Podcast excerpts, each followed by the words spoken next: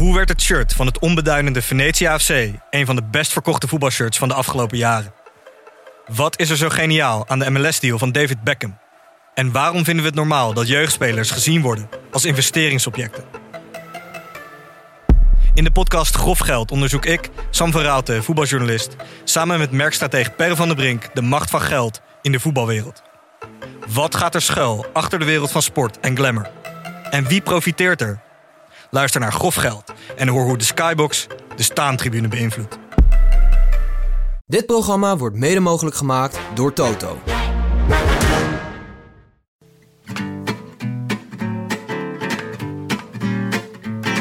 Het is maandag 17 april, tweede paasdag. En we zijn een dag later dan normaal, maar enthousiaster en uitgeruster dan ooit tevoren. Mijn naam is Tim de Gier, hier tegenover mij zit Willem Dudok. En dit is De Rode Lantaarn, de wielerpodcast van Het is Koers.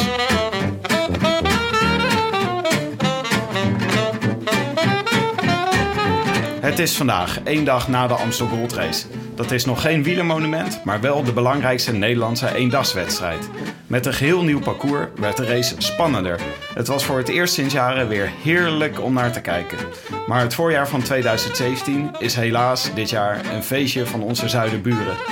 Dit keer geen Greg van Avermaat, maar zijn landgenoot. Een prachtige winnaar desalniettemin, Philippe Gilbert. And here goes Kwiatkowski. 300 meters to go.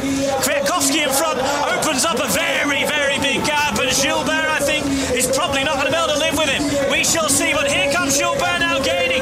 Gilbert, has he timed it right? He might well have done. Gilbert on the right side coming through. Oh, Kwiatkowski's out of gas. It's four for Philippe Gilbert. I wish I could be in the south of France. In the south of France, sitting right next to you.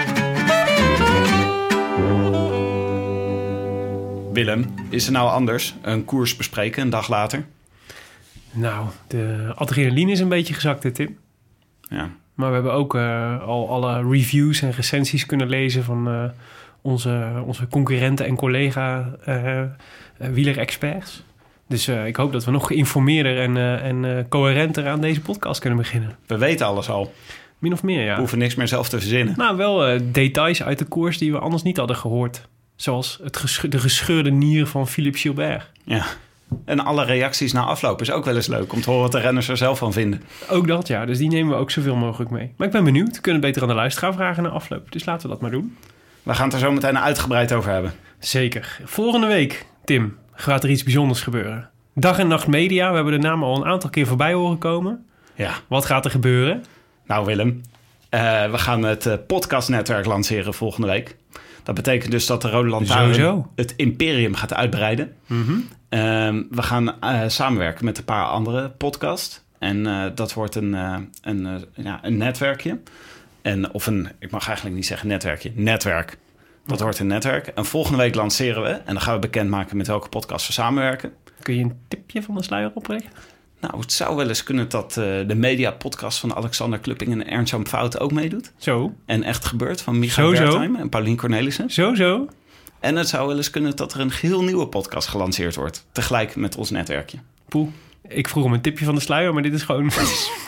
het is gewoon feitelijk de hele bruiloft die je cadeau doet. Nou, dat denk jij, Willem. Oh, oké. En er komt nog veel meer. Maar wat ik eigenlijk wilde zeggen is dat de luisteraars van eh, de Rode Lantaarn natuurlijk super welkom zijn om Ja. daar naartoe te komen. De lancering is volgende week dinsdag in de Bali in Amsterdam Ja.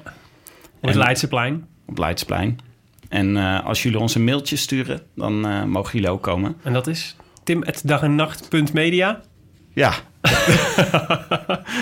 ja, we moeten misschien nog iets aan de domeinnaam doen. Het is dag en nacht.media. tim.dagennacht.media. Als je bij de lancering wil zijn, waar wij ook allebei zijn, hè? Ja, Voor meet and greets en alles. ja op onze ge- kenmerkende manier. Ja, en, Zenuwachtig in het hoekje staan. en, eh, en is er ook gratis drank? Eh, een beetje. Een beetje Champagne. Oké, nou, Gaat champagne. daar doen we het voor. Komt allen. Oké. Rectificaties, Tim. Hebben we die? Nee, we hadden alles goed vorige We week. hebben de factcheckers er twintig keer doorheen laten gaan, maar we konden geen foutjes vinden. Terwijl er toch alle aanleiding toe was. Hoezo? Aanleiding voor, om, voor ons om foutjes te maken. nou, ik heb gegokt op, eh, op het, eh, de, de hoeveelheid jaren die de Strade Bianchi al bestond. En op de Italiaan die de Ronde van Vlaanderen won van Erik Dekker. En die beide feitjes, die toch zeg maar zeker niet vanzelfsprekend zijn, die had ik gewoon allebei goed. Ja, het was echt een, eh, het was een van jouw beste dagen. Ja, Ik heb een theorie daarover. Jij zegt altijd dat je heel goed, als we gaan fietsen of zo, of gaan hardlopen, zeg je altijd dat je heel goed zonder eten kan. ja. Maar vorige week ik hebben ben we tussen- puik-expeditie Robinson materiaal. Ja, dat zeg je zelf. Maar ge- vorige week bleek dus dat na het einde van de koers jij eerst een hamburger hebt gegeten. Ja. Voordat we de uitzending hebben opgenomen. En jij denkt dat ik daarom geen fout heb gemaakt. Ja, Oké. Je, Oké. hebt gewoon, je had gewoon brandstof nodig. Nou, ik heb net weer een hamburger gegeten, dus het belooft wat. Ja, nou ja, ik kijk er ook naar uit. Eh, laten we volgende week de balans opmaken of het inderdaad aan de hamburgers ligt. Precies. Tim, ik dacht, ehm, eh, ik neem een natje mee, uiteraard. Ik was weer aan de beurt. Na de vorige week jouw eh, complete schoonfamilie in, eh, in, in het hemd te hebben gezet. Ja. Waarvoor excuses. Dat had ook iets te maken met jouw knipkwaliteiten. Maar ehm, ik dacht, eh, nu een dag na de, na de Amsterdam Gold Race... dat moet natuurlijk wel even in stemming blijven. Bovendien dacht ik, we moeten weer even iets aan onze street credi- credibilities doen... na al die IPA'tjes en ingewikkelde Franse wijntjes. Dus ik heb een halve liter Amstel in een blik meegenomen. Ik kijk hier niet op neer hoor, Willem. Nee, ik ook niet. Heerlijk zo'n blik. Dus, Proost. Cheers. En dan ga ik ook proosten, want er is hier ook nog iets bijzonders gebeurd. Namelijk voor het eerst in jouw Rode Lantaarn carrière had je je voorspelling goed. Philippe Gilbert. Dat is helemaal niet voor het eerst. Oh jij? Dat is wel voor het eerst. Volgens mij was het wel voor het eerst hoor. Nou, weet je wat? Luister jij even 21 afleveringen Tour- de France 2017 af. We hebben de Tour de France hebben we 2-1 afgesloten. Je had er twee goed en ik had er één goed. Echt waar? Volgens mij wel. Oh, nou, dan ben ik blij dat ik geen champagne heb gekocht. Ik gokte Sagan bij elke etappe fout tijdens de Tour. En volgens mij heb ik hem één keer goed gegokt. Oké, nou, ik ga het nakijken. En anders dan hebben we volgende week in ieder geval wel een rectificatie te maken. Maar even voor de duidelijkheid. Ik eh, voorspelde dus goed dat Philippe Gilbert vandaag ging winnen. Ja, zeker. Alleen niemand heeft het gehoord, want je had het verkeerd geëdit. Mensen die eh, ons gevolgd hebben, die, ehm, die hebben mogelijk gehoord dat er een foutje in de laatste podcast zat. Wat later hersteld is door Tim. Maar de vroege luisteraars, de echte fans, die hebben waarschijnlijk Tim's voorspelling gemist. Ja, ja, het is natuurlijk de bekende Tour de France eh, tune die we tussendoor hebben. Maar wat ik dan meestal doe, ik knip daar een stukje uit om niet het hele liedje om, eh, de hele tijd te laten horen. En dan in montageprogramma schuif ik een stukje naar links of naar rechts. En dan staat hij er eigenlijk ergens anders in de uitzending. Maar nu was ik hem dus vergeten weg te halen achteraf. Daarom kwam er op een willekeurig moment ineens een stuk Tour de France muziek doorheen. Oké. Ik denk dat er nu tien luisteraars zijn afgehaakt. Nee, nee, ik denk dat er mensen zijn bijgekomen die dit heel interessant vinden, Willem. Komt er ook een eh, podcast, podcast? Podcast over podcasten? Nou, eh, je hebt eh, denk ik de luisteraars wel voor warm gemaakt nu. Ik denk het ook. Anywho. Proost Tim en Laten gefeliciteerd met je correcte voorspelling. Ik vond het zeer knap. Proost. Laten we naar de koers. Amstel Gold Race. Je zei het al, de belangrijkste Nederlandse wegwedstrijd. Waar dit jaar twee bijzonderheden waren. Bijzonderheid 1 was dat er een nieuw parcours was. Althans, een nieuw parcours. Het ging nog steeds door de Limburgse heuvels. Maar de finish was veranderd. Namelijk voorheen finishte de Amstel Gold Race zo'n beetje op de Kouberg. Ehm, En eh, dat eh, had tot gevolg dat ehm, eigenlijk de, de, de Amstel Gold Race de afgelopen jaren telkens ook pas op de Kouberg werd beslist.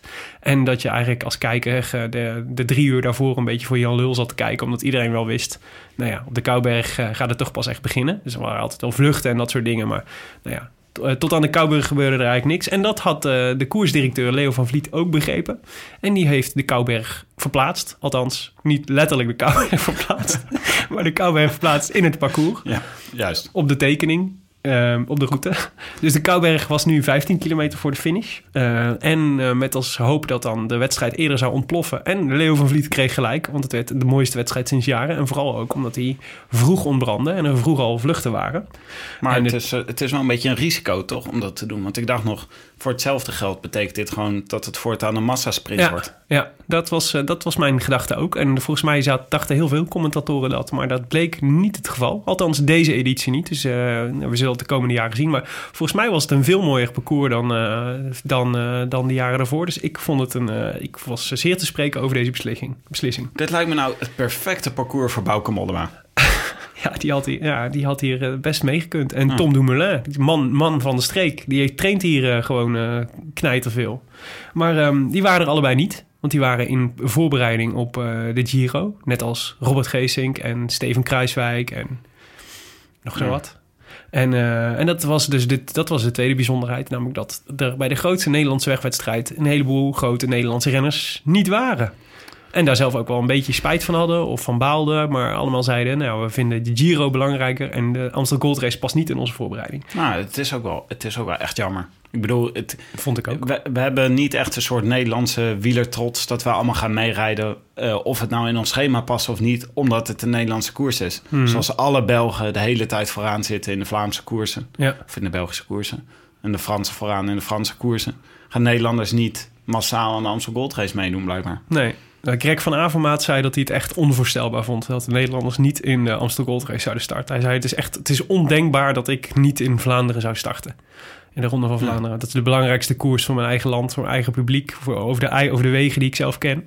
En eh, hij zei ook van, ja, het is gewoon... eh, het is een enorm voordeel als je die wegen goed kent. Dan heb je, gewoon, eh, heb je wegen gewoon kansrijker... en in je- voor je eigen publiek kun je altijd meer. Ja. Dus die vond het eigenlijk onvoorstelbaar. En ik vond het eigenlijk ook wel... Ik dacht ook, van één zo'n koers gaat de Giro niet afhangen, toch? Maar goed, misschien is dit, eh, is dit naïef en geen topsportmentaliteit. Maar ik vond, ik vond het in ieder geval heel erg jammer. Aan mensen doen ook ik had rijders- Dumoulin hier vooral graag gezien. Ja. ja, maar Dumoulin die wil echt voor het klassement in de Giro gaan dit jaar. Ja. Dat was de reden dan waarom hij er niet bij was. Maar het is ook een soort van eh tweeluik. Dat je altijd Amstel Gold Race en Luik Bastenaken Luik allebei doet. Hmm. Het zijn dezelfde soort, eh, soort koersen, dezelfde soort manier van, van rijden voor nodig. Ja. Dus eh, daar zullen we ze ook allemaal niet zien. Nee, ja, jammer. Pas in de Giro weer. Maar de Giro is in mei al, dus op zich eh, Ja. duurt het niet heel lang meer. Ja. Oké, naar de koers. Want, ehm, eh, nou ja, ik weet niet... anders dan de Vlaamse koers viel het mij een beetje tegen... hoe laat de live-uitzending begon. Namelijk pas om twee uur. Hoe laat ben je voor de tv gaan zitten dit keer, Willem? Nou, gewoon wel om twee uur. En Ah, toen zagen we eerst de vrouwen... waar Anna van der Breggen een, met een schitterende solo won. Ja. Heb je die ook nog gezien? Nou ja, ik heb er zien finishen. Ja, dat was mooi. Deze, was een mooie finish. deze heel goed. Onze Olympische kampioenen. Mhm. En, ehm, en vervolgens zagen we een Nederlander van voren. En niet zomaar een Nederlander. Namelijk Lars Boom. Lars Boom, Ja. je favoriet. Ja, nou, dat weet ik niet. Maar eh, Ja, je hebt een soort... eh, zeker niet mijn niet-favoriet. in de loop van de tijd een soort haat-liefde verhouding met Lars Boom Ik heb absoluut een het gevoel. haat-liefde verhouding met Lars Boom. Dat klopt. Je hebt wel eens gezegd, eigenlijk stiekem de beste Nederlandse renner. Maar omdat hij niet eh, slim genoeg is, niet hard genoeg werkt. Nou, dat laatste vooral. Ja, Ja, maar dat vind ik dan ook wel weer... Dan hoor ik mezelf dat zeggen en dan denk ik... Oh, dit is ook gemeen ook. Dit is ook, dit is ook niet aardig. Dit is ook, hoeft ook niet. ja maar ja, wij werken gewoon zo hard om dit voor elkaar te krijgen. Elke keer deze podcast. ik snap dat. Mijn, ik, ik heb nog steeds... Hoor altijd mijn oma in mijn hoofd die zegt... Als je niks aardigs te vertellen hebt over iemand, dan zeg je maar niks. Ja. Dat, dat gevoel heb ik altijd bij Lars Boom. Dus Ja. Dan zeg ik maar niks over Maar Lars wacht Boom. even, laten we niet vergeten. Ook altijd veel liefde voor Lars Boom. Ik, het is echt allemaal, het komt allemaal voort uit liefde. Want ik, ik zie hem heel graag koers en ik zie hem heel graag voorin. Maar het- ik baal ervan als het niet lukt. Ik voel, ik, ja. Ja, ik heb dat ook. En de leukste, de leukste renner is gewoon een Nederlander in de Lotto Jumbo ploeg. Maar dat is ook de reden waarom ik er zo ontzettend vaak een hekel aan heb. Omdat, het dan, omdat je zo graag wilt dat het lukt. Een beetje zoals je naar Ajax kijkt. Ja.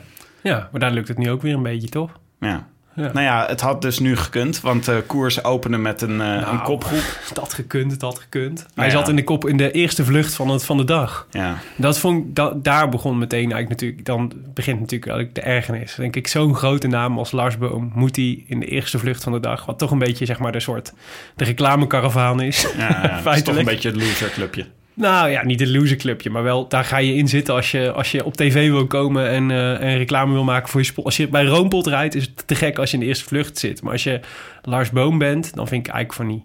Ja. Maar ja, Nou, de Frans Maas, Frans Maas zei achteraf dat de tactiek mee eh, was vroeg meezitten ja. en eh, top 10 rijden. En hij zei, we zaten er zo dichtbij. En toen dacht ik, oh, dat is echt sneu. Dat je dan zegt, we zaten zo dicht bij de top 10 in de Amstel Gold Race. Ja. Ik denk dat zo'n renner als Tom Dumoulin, als hij het zou willen, dan rijdt hij natuurlijk zo de top 10 in. Mhm. In, eh, in, eh, in een koers zoals die vandaag was. Ja, maar blijkbaar stuk- is dat voor Lotto Jumbo een grote ambitie om... eh, Nou, in his defense, Top 10 het is, het is niet echt de koers voor Lars Boom natuurlijk, Amsterdam Gold Race. Het is meer een man voor Vlaanderen en voor, vooral voor Parijs-Roubaix. Daar reed Ja. hij overigens ook niet goed. Maar, en, eh, en in dit geval was reed hij volgens mij vooral ook als knecht. Als, eh, om, als zeg maar dienend voor Lindeman ja. en eh hoe heet die, Lobato. Die Spanjaard van, eh, van eh, Lotto Jumbo, die ik volgens mij nog nooit live op televisie heb gezien. Bestaat hij wel? ja, ja, ik, ik hoop het, want anders hebben ze echt een miskoop.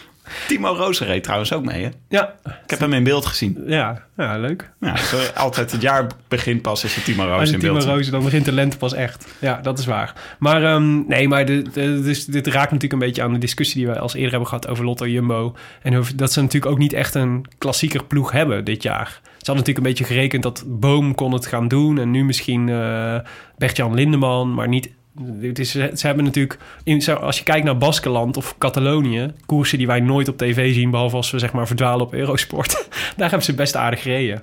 Ja. En, uh, en het is enige is, ja, wij zijn natuurlijk super gefocust op het voorseizoen met al die, met al die Vlaamse klassiekers en nu de Amstel Gold Race en straks de Waalse klassiekers. Ja, dan doen ze het ja. gewoon niet goed. En dat vind ik jammer.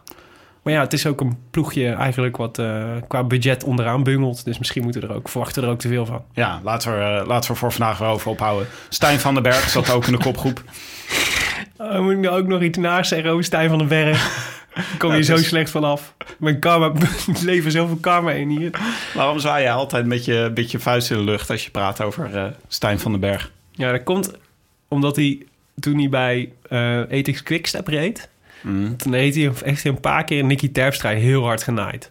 Zegt dat hij, dat Zijn hij, ploeggenoot. Ja, precies. Doordat hij echt dom reed. Hij het sowieso rijdt. Stijn van den Berg is echt, die rijdt echt, die rijdt echt dom, vind ik altijd. Bijna altijd. Ik hoop dat hij niet luistert. Want nee, ik hoop oma- ook dat hij niet luistert. En ik hoop ook dat mijn oma zaliger ook niet luistert. maar goed. Ehm, maar die, eh, nee, dus ik heb het niet zo op Stijn van den Berg. Dus ik dus- hoop altijd dat hij verliest. Zand over Stijn, eh, Stijn van den Berg. Oh, please. Oké, nou ja, ze hebben, Nou, goed. ze hebben echt een lange tijd hebben ze vooraan gereden. Ja, precies. Maar 40 kilometer voor de meet werden ze ingelopen. En toen begon het eigenlijk pas echt. Want toen zagen we eh, op de Kruisberg... Wat is er met paas op de Kruisberg, Tim? Dit is toch, dit moet jouw literaire hart toch doen. De romantiek. Willem. Precies. Toen ontstond er een, eh, een kopgroep, kopgroep met eh, onder andere Tige Benoot, Sergio Henao, Philippe Gilbert, Albassini, Haas, Rogas, John Izagirre eh, en Bert-Jan Lindeman. Dit was wel echt een goede groep voor ons, hè? Dat vinden we, Hier vinden we zoveel dingen vinden we hier leuk aan. Ik bedoel, als wij, als wij zelf een ploeg zouden hebben... Haas, Zou, ook, Haas ook nog, met Pasen op de Kruisberg. ja, Tim! Paas gaat toch om konijnen, dit niet om hazen? Dit boek schrijft zichzelf. Ja. Maar uh, Henao zat erbij natuurlijk. En dan, dat is toch een beetje onze... ja, als wij een ploeg zouden hebben, zou hij onze kopman zijn. Zeker. Albassini is hartstikke leuk dat hij erbij zit. Mhm. John Isagire is toch ook een favoriet van ons. Vooral om hoe je zijn naam bekakt kan uitspreken. Kun je nog één keer doen? John, Is- John Isagire. Ja, die zat er ook bij. En Bert-Jan Lindeman. Bert-Jan Lindeman. Waar ik altijd moet denken aan een supermarkt. Wat weer heel grappig is, want hij rijdt bij Lotto Jumbo. Ja. Ja, God Willem. ja. Dus het was echt een kopgroep om van te smullen. Nou, maar het was wel echt... eh, het ontplofte, zeg maar. Zoals we het in eh, jaren eigenlijk niet gezien hebben. Het Nee. werd echt gewoon helemaal eh, aan flarden gereden door Ties Benoot. Die echt vol bravoure wegreed. En even later zijn ketting eraf reed. En toen was zijn koers ook voorbij. Ja, heerlijke herinnering dat, Ties Benoot. Ja? Niet alleen om zijn naam, maar die rijdt altijd zo leuk. Altijd, hij valt altijd aan. En Ja. Is echt sympathieke gozer. is ook zo eentje waar de Ik ben, ook, Belgen... ben ik blij dat ik nu even iets aardigs kan zeggen over een andere. Ja. ja, om eh, wat dingen goed te maken. Ja, Ik snap het. Daarom was het ook des te lulliger dat zijn ketting er op cruciale momenten afvloog. ja, sneu. Maar je had dus eigenlijk had je een, eh, was dit gewoon een, eh, een schifting. Want Ja. er zaten een aantal goede eh, coureurs zaten er niet bij. Nee, BMC had de slag gemist. Ja, terwijl, BMC van Krek van Avermaat. terwijl BMC echt tot op dat moment de koers hard aan het maken was. Ja. Dus het was, eh, het was wel pijnlijk dat Greg er niet bij zat. Van Avermaat zei het zelf ook na afloop. Dat, hij daar, eh, dat ze daar hadden verloren. Ze, vanaf dat moment, daar had iemand van hun bij moeten zitten. En hij zei vanaf dat moment reden we eigenlijk achter de feiten aan. En dat was zo. Hij was niet de enige die miste. Want ook Valverde, Wellens, Kwiatkowski zaten er niet, zaten niet bij. Ook allemaal favorieten toch? Ja. En, ehm, eh, maar echter, het was nog niet gedaan. Want, wat gebeurde er toen, Tim? Oh, eh, nee, sorry. Ik wil nog even zeggen dat... Ik weet niet of hij daar de slag verloor. eh, hij, zei het, hij zei het zelf, hè? Ja, maar ik weet niet of dat een moment was. Want Kwiatkowski die krijgt voor elkaar om nog wel het gat eh, dicht te rijden. In zijn eentje, ja. In zijn eentje, 15 seconden. Op een gegeven moment was het gat 15 seconden. Ja, Nou, daar kan je elkaar echt zien. Ja. En die heeft gewoon de bravoure getoond om gewoon het te proberen om het dicht te rijden. ja. extra En- impressive. Hij had wind tegen. Echt vol wind tegen. Dus Ja. je zag die vlaggetjes eh, langs het parcours zag je vlaggen wapperen. En, eh, en ik vond het echt heel... Ik vond het echt, ik vond het echt indrukwekkend toen Kwiatkowski naar de kopgroep reed. Ja. Ten meer ook omdat je weet dat er achter hem geen knuppels reden, maar eh, mannen als Van Avermaat. En die Ja. lukte het dus niet om, eh, om erbij te komen. Ah, ik denk ook dat, daarom, daarom zei ik het net, want dat het van de Avermaat ook niet... eh, misschien was het ook zijn strategie weer om, zoals in een aantal van de vorige koersen... toen wachtte hij gewoon heel erg lang. Ja. Toen ging hij niet met de eerste mm, ontbrandingen of met de eerste aanvallen meezitten. Hmm. En misschien gokte hij daar deze keer weer op en dit keer verkeerd gegokt. Want Ja. de kopgroep was gewoon te sterk. Nou, ze leken even heel dichtbij te komen. hè. Ze zaten op een gegeven moment, wat je zei, je zat op een gegeven moment zaten ze op een seconde of tien. En toen werd het steeds, weer steeds groter. En die zag dat, eh dat ehm Kwiatkowski kwam erbij. Maar je zag dat dan vervolgens in de groep daarachter... dat Van Avermaat al het werk moest doen. En, eh, en eh, dat hij de pech had dat hij, dat hij met jongens zat... die allemaal iemand voor in de kopgroep hadden zitten... die ook normaal gesproken hadden kunnen werken. Dus hij moest het echt alleen doen. Ja, En dat lukte niet. nee. Ehm, en ehm, nou ja, toen... toen ja, ons hoop was natuurlijk eh, gevestigd op eh Bert-Jan Lindeman. Zeker. En die reed ook best wel goed. Alleen hij kan gewoon niet als het echt heel hard bergop gaat. Ja. Dat is niet echt zijn, eh, Ja. zijn manier van rijden. En hij moest dus ook bij de Keutenberg 10 kilometer voor de finish. Inmiddels. Ja. Toen, moest hij er wel, eh, toen vloog hij er wel echt gewoon af. Ja. En ook vrij vroeg, toen het echt gewoon hard bergop ging. Ja, en ook, en ook vrij hard vloog hij af. Hij stond echt geparkeerd. ja. Ja. Toch ook spectaculair gezicht altijd, toch? Ja, ja, maar het is fascinerend toch? Dat je dan zo... Dat, want hij maakte tot dan toe, vond ik, vond ik best een frisse indruk. Maar dan is kennelijk is dat dan net te, te stijl voor hem. Of net, eh, want hij redt het dan net niet. Terwijl, ja, hij is niet te stijl voor hem. Hij heeft er ook een bergetappe in de Vuelta gewonnen vorig jaar. Dus hij, kan het, hij zou het wel moeten kunnen op zich. Ja. Ja, maar niet de- dus, kennelijk. Deze, deze koersen zijn ook lang, hè? Jammer, maar toch, eh, toch goed geprobeerd van Lindeman. Wat ik echt leuk vind. Lens wordt echt een leuke... Daar gaan we echt nog veel plezier aan beleven, denk ik, de komende jaren. Want hij kan dus... Hij heeft dus al bewezen dat hij kan winnen. Nou ja, goed. Nu ging hij ook mee in de finale. Niet zo ver als wij zouden willen, maar ja, is toch leuk. Ja. En eh, na, deze, na de Keutenberg werd het gat groter tussen de twee groepen. Toen, Ja. Daar had eh, Van Avermaat en Valverde hadden het eigenlijk daar dicht moeten rijden. Dat Ja. lukte niet. Ja. En toen werd het gat van 15 seconden, 20 seconden, 30 seconden, 50 seconden. Uh, Valverde reed niet omdat uh, Rogas uh, in de kopgroep zat. Hè? Dus, uh, die, uh, en dat is een ploeggenoot en uh, een vriend van hem ook. Ah. En uh, ook overigens de man die vorig jaar in de Vuelta een dubbele beenbreuk opliep... bij een uh, valpartij in een afdaling. En Ah. uh, toch kennelijk uh, alweer, dat was volgens mij uh, in de Vuelta, dat was september. En is het nu gewoon, rijdt hij nu al gewoon weer mee met de, voor, met de voorste. Dat is knap hoor. Is ook een goede sprinter, toch, Rogas? Ja, Rogas is een sprinter die, sprinter die nooit wint, maar wel altijd top 10 rijdt. Ja, maar eigenlijk ja. perfect voor dit soort... Eigenlijk was dit perfect voor hem geweest. Omdat Ja. je dan die, de Kouberg, als je die overkomt en je zit er nog bij... Dan kan hij al die sprinters, of al die niet-sprinters, kan hij wel aan. Als hij, uh, ja, nee, zeker. Dus hij had vanavond had hij uh, en uh, Gilbert en Kwiatkowski, die had hij er wel opgelegd. Ja, dat denk ik wel. Ja. Ja. Maar, Maar goed, ja, dat, zover kwam het niet. Want uh, nee, dus het gat werd groter naar, uh, naar inderdaad 50 seconden. En toen werd al duidelijk dat de winnaar daar in dat groepje zat. Um, we kwamen bij de Bemelerberg, uh, wat een... Uh, sowieso een schitterende naam is voor een berg, maar ook eigenlijk maar een kort stukje is. Die berg is maar duizend meter lang, wat Mhm. niet heel lang is voor een berg. Nee, het is ook een beetje optimistisch om het allemaal maar bergen te noemen. De heuvel is Maar beter, maar hij heeft wel een aardig stijgingspercentage. En wat daar eigenlijk gebeurde was, dat vond ik echt... Um, uh, als, je de, als je die koers nog niet hebt gezien, kijk die Bemelerberg even na. Want ik vond dat eigenlijk misschien wel een van de mooiste kilometers van dit voorjaar, eerlijk gezegd. Want wat daar gebeurde was echt, ik vond het echt, het was Mo Farah-esque. Als je, als je, weet je wie Mo Farah is? Ja, de hardloper. Ja, ja precies. Nou, wat Mo Farah kan, is, Mhm. vind ik, dat is heel bijzonder. Als je hardlopen volgt en atletiek een beetje volgt. Mo Farah heeft de versnelling in de versnelling. Dus die, kan, uh, die loopt dan 5 of 10 kilometer. Dat zijn zijn specialiteiten. En dan loopt hij uh, dan, dan in de laatste ronde gaan ze meestal allemaal gaan ze een stuk harder. En dan als terwijl hij harder gaat, gaat Mo nog een keer harder. En kan hij nog een keer aanzetten en nog een keer versnellen. En dat is waanzinnig. En wat hij dan wat hij doet, de eerste keer versnellen. En dan proberen mensen in zijn sporen te treden. Dus in zijn, uh, in zijn pas mee te gaan. En dan snij je eigenlijk iedereen de adem af. En dan denken ze, ik ben erbij. En dan gaat hij nog een keer. Dan gaat hij nog harder. En dat is, dat is wat, uh, wat hier gebeurde. Uh, met Kwiatkowski en Gilbert bij de rest van de groep. Dus op de Kwiatkowski vertrok. Mm. Uh, Gilbert ging meteen, sprong meteen in zijn wiel. De groep daarachter kon volgen, dankzij Haas voornamelijk, want die reed het gat, die reed het gat in eerste instantie dicht. Toen leek het uh, dat die groep uh, boven was. En uh, dus Maarten Ducro had al gezegd van we, zijn, we zijn op de top. Wat er toen gebeurde was dat Gilbert nog één keer aanzette. Echt maar een paar keer.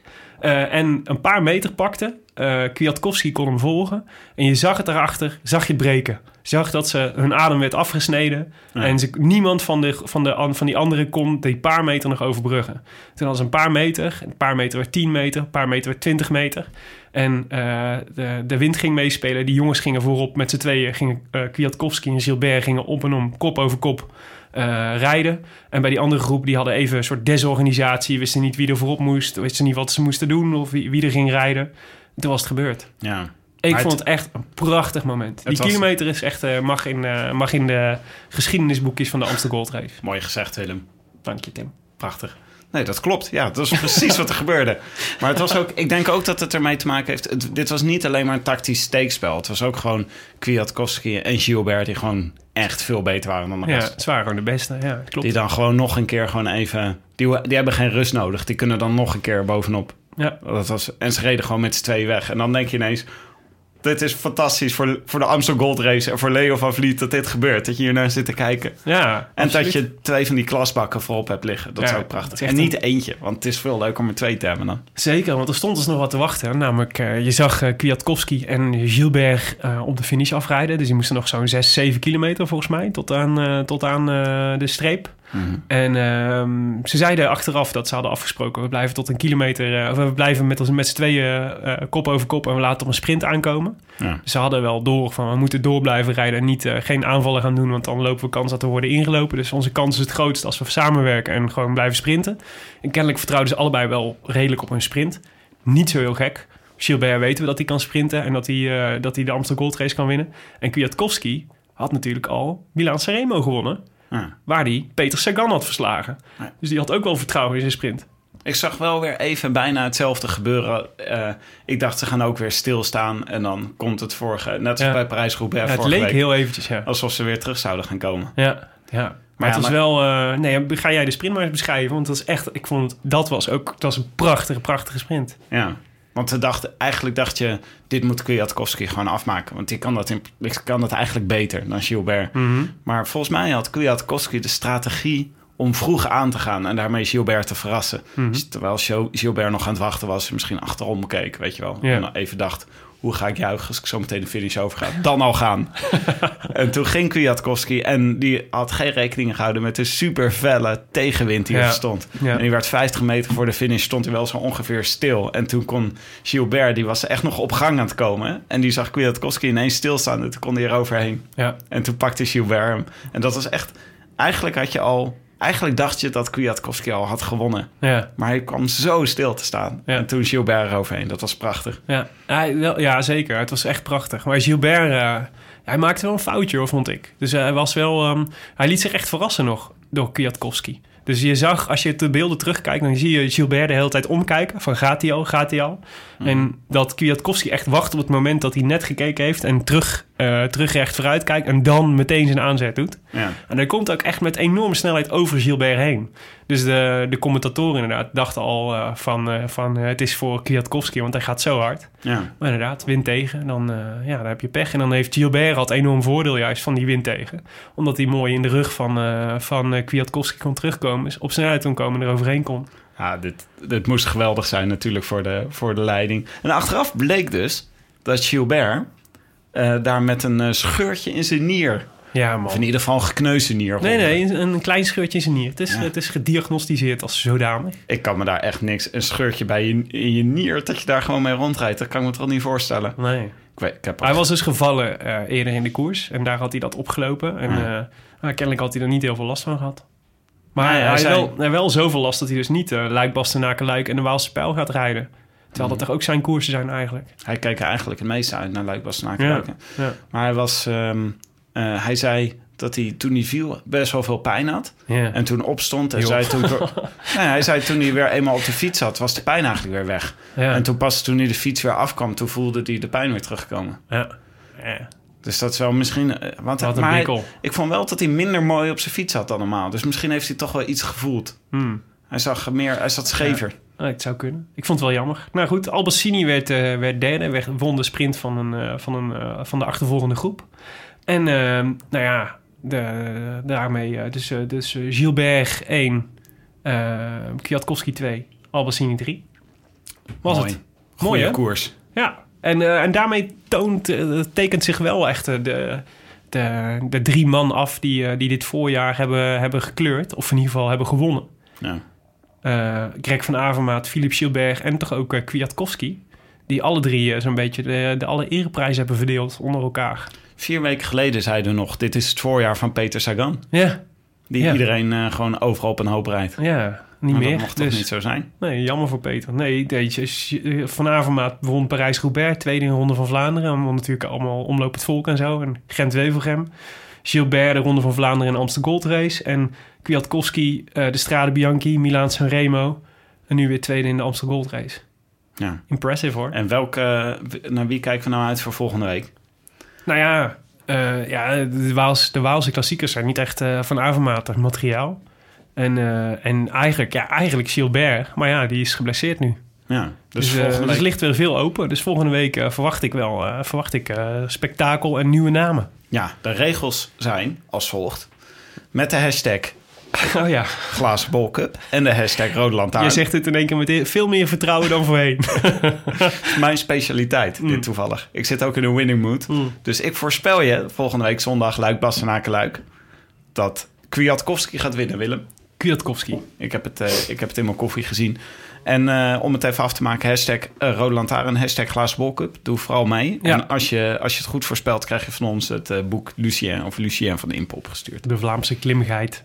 Nou ja, ik zou ook aan jou eentje moeten geven nu. Ja. Nou, dan gaan we, gaan we in orde maken. Je zou Ik, champagne eh, meenemen, maar jij, Amstel is eh, ook lekker. Jij eh, gaat voor Kwiatkowski. Ik ga voor een andere Michael, namelijk Albassini van eh Orica Green Edge. Tenminste, die ploeg heet volgens mij anders nu, maar ik noem ze lekker nog Orica Green Edge. Die, ehm, die werd derde vandaag. En die, rijdt, die reed vorig jaar ook goed in Luik Bastenaken Luik. Dus hij is in vorm en hij kent de koers goed. Dus ik ga voor Albassini. En Orica rijdt vanuit zeg ook altijd goede koers in, in de Ardennen. Albassini is 37 of zo, toch? Dat weet ik niet, Tim. Die is best wel oud. ik gok 37 Ja? voor de rectificaties volgende week. Oké, ik denk niet dat hij ik denk dat hij jonger is dan 37. Mm. Goed. Dat eh Kwiatkowski en Albassini dus. We gaan het zien, Tim. Ehm, dan moeten we het iets hebben over iets bijzonders. Iets heel bijzonders. Iets eh, mega turbo bijzonders zelfs. Want we gaan onze eerste live show doen. Godzijdank Willem dat het hiervan zou komen. En onze eerste echte live show. We zijn overtuigd door, eh, door de penningmeester van Het is Koers... om aanstaande zondag naar de Ronde van Maden te komen. Dat is een, eh, een kermiskoers in mijn geboortedorp, Maden. Althans, ik ben geboren in Breda, maar opgegroeid in Maden. En eh, daar is een legendarische kermiskoers... die voorheen altijd was op tweede paasdag, vandaag... Maar kennelijk tegenwoordig op de dag na Luik of de dag van Luik wordt gehouden. Dus eh, daar gaan wij, eh, daar gaan wij onze, onze tenten opslaan, een dag lang. En kermiskoers, betekent dat dat er ook kermis is? Nee, nou, dat was ze altijd niet. Volgens Nou. mij is het nee. Maar daar komt de naam natuurlijk wel vandaan. Dat het met de kermis was dat er dan ook een rondje rond de kerk werd gereden. Volgens mij is het geen kermis, maar het is wel een soort evenement altijd. Dus wel, het, is gewoon, het is wel gewoon een feest voor de hele, voor de hele dorp, zeg maar. En eh, dat is hartstikke leuk. En we zetten dus... we gaan ehm, samen eerst Luik Bastenaken Luik kijken op groot scherm. Dus kom zondagmiddag allemaal naar Café de Tijd in Maden. Daar gaan we Luik Bastenaken Luik kijken op groot scherm. Eh, dat heet dan het, eh, volgens mij voor de gelegenheid het Quaremont Koersencafé. Oh, Nou, prachtig. de sponsor. Daar krijg ik er gelijk zin in als je dat zegt. Quaremont Koersencafé. Ja, Mhm. precies. En eh, daarna gaan we, als de Luik Bastenaken Luik voorbij is, dan gaan we de podcast opnemen. En dat zal ongeveer gelijktijdig zijn met de start van de profronde van Maden. En die is om vijf uur. Start die, de profkoers. En daar hebben ze een aardig deelnemerslijstje inmiddels. Namelijk Sebastian Langeveld, Mathieu van der Poel, Dylan van Baarle, Ramon Sinkeldam, Moreno Hofland, Tim de Klerk en eh de hetskoers.nl favoriet, Jetse Bol. Die volgens mij voor eh, een van de Mexicaanse ploeg rijdt inmiddels. Met een roze shirt. Maar waarom doen ze helemaal niet mee aan Luik Bastenaken Luik dan? Tim, ik heb geen idee. Omdat de Ronde van Maden kennelijk aantrekkelijker perspectief is. Of omdat wij er zijn, Willem. Dat zou kunnen, ja, ja precies. Maar ehm, die zijn er dus. En eh, misschien komen er één of twee nog, ook nog wel eventjes langs in Café de Tijd... om eh, aan te schrijven bij onze podcast. U hoort het volgende week. Wij moeten ons ook nog even laten verrassen en ons voorbereiden op wat er komen gaat. Maar het is echt een hele leuke criterium. En eh, het is een hele leuke eh, kans om die wielrenners allemaal eens een keer in het echt te zien. En en passant, eh, nou ja, met eh, jullie eh, medeliefhebbers, Tim en Willem... eh, een biertje te drinken, koersje te kijken en, eh, en invloed te hebben op wat er straks wat er daarna in de uitzending zal zijn. Dat is leuk zeg. Kunnen we, we, moeten eigenlijk de- we zullen deze informatie ook nog even op Facebook zetten, zodat Dat zullen we, zullen we zeker doen. En daarna gaan we barbecuen. in de tuin bij Bas van Eyck. Denk ik. Daar mag ook iedereen komen. En zeker, dan zijn wij weer die jongens die zenuwachtig in het hoekje met hun telefoon aan het spelen zijn. Bas, Goed. Van, Bas van Eyck is de, de, eh, een van de oprichters van Het. Voor Zeker. En woont ook in Maden. En we hopen dat u komt. Eigenlijk, dat is eigenlijk de belangrijkste boodschap. Zondag in de Café de Tijd in Maden. Prachtig, Willem. Ik denk dat je je oma tevreden hebt gestemd door zo positief af te sluiten. Ik hoop het ook. Ze vanuit de hemel toekijkt hoe ik dit doe. Dit was het, de derde en voorlaatste voorjaarsspecial van de Rode Lantaarn. Gepresenteerd en geproduceerd door uw favoriete bankzitters Willem Dudok en mijzelf, Tim de Gier. Met dank aan hetiskoers.nl, de wielerblog van Nederland en Vlaanderen. En dank aan het Nederlandse podcastnetwerk Dag en Nacht Media voor de ondersteuning. Wil je reageren op deze uitzending? Dat kan. Via Twitter zijn we te bereiken via Willem Dudok en Tim de Gier. En eh, abonneer je op iTunes. Of eh, laat daar een reviewtje voor ons achter. Dat zouden we heel erg leuk vinden. Zijn er nog, eh, zijn er nog nieuwe review, reviews binnengekomen? Zeker, zeker, zeker. Courage. Met de twee uitroeptekens. En daar ga ik niet... Courage. Ja, ik moet eigenlijk schreeuwen in de microfoon, maar dat zal ik niet doen. Eh, die gaf ons vijf sterren en die zei... slap gauw hoer over wielrennen zonder dat je zelf hoeft deel te nemen in een gesprek. Ideaal. Heerlijk, dankjewel. Courage. Ja, zeker. Heel goed. Volgende week zijn we er weer met eh Luik Bastenaken Luik dus. Die prachtige, machtige koers door de Ardennen. Live vanaf de Ronde van Maden nogmaals. Komt alle. A biento, Tim. A biento. I wish could be in the south of France. In the south of France, sitting right next to you.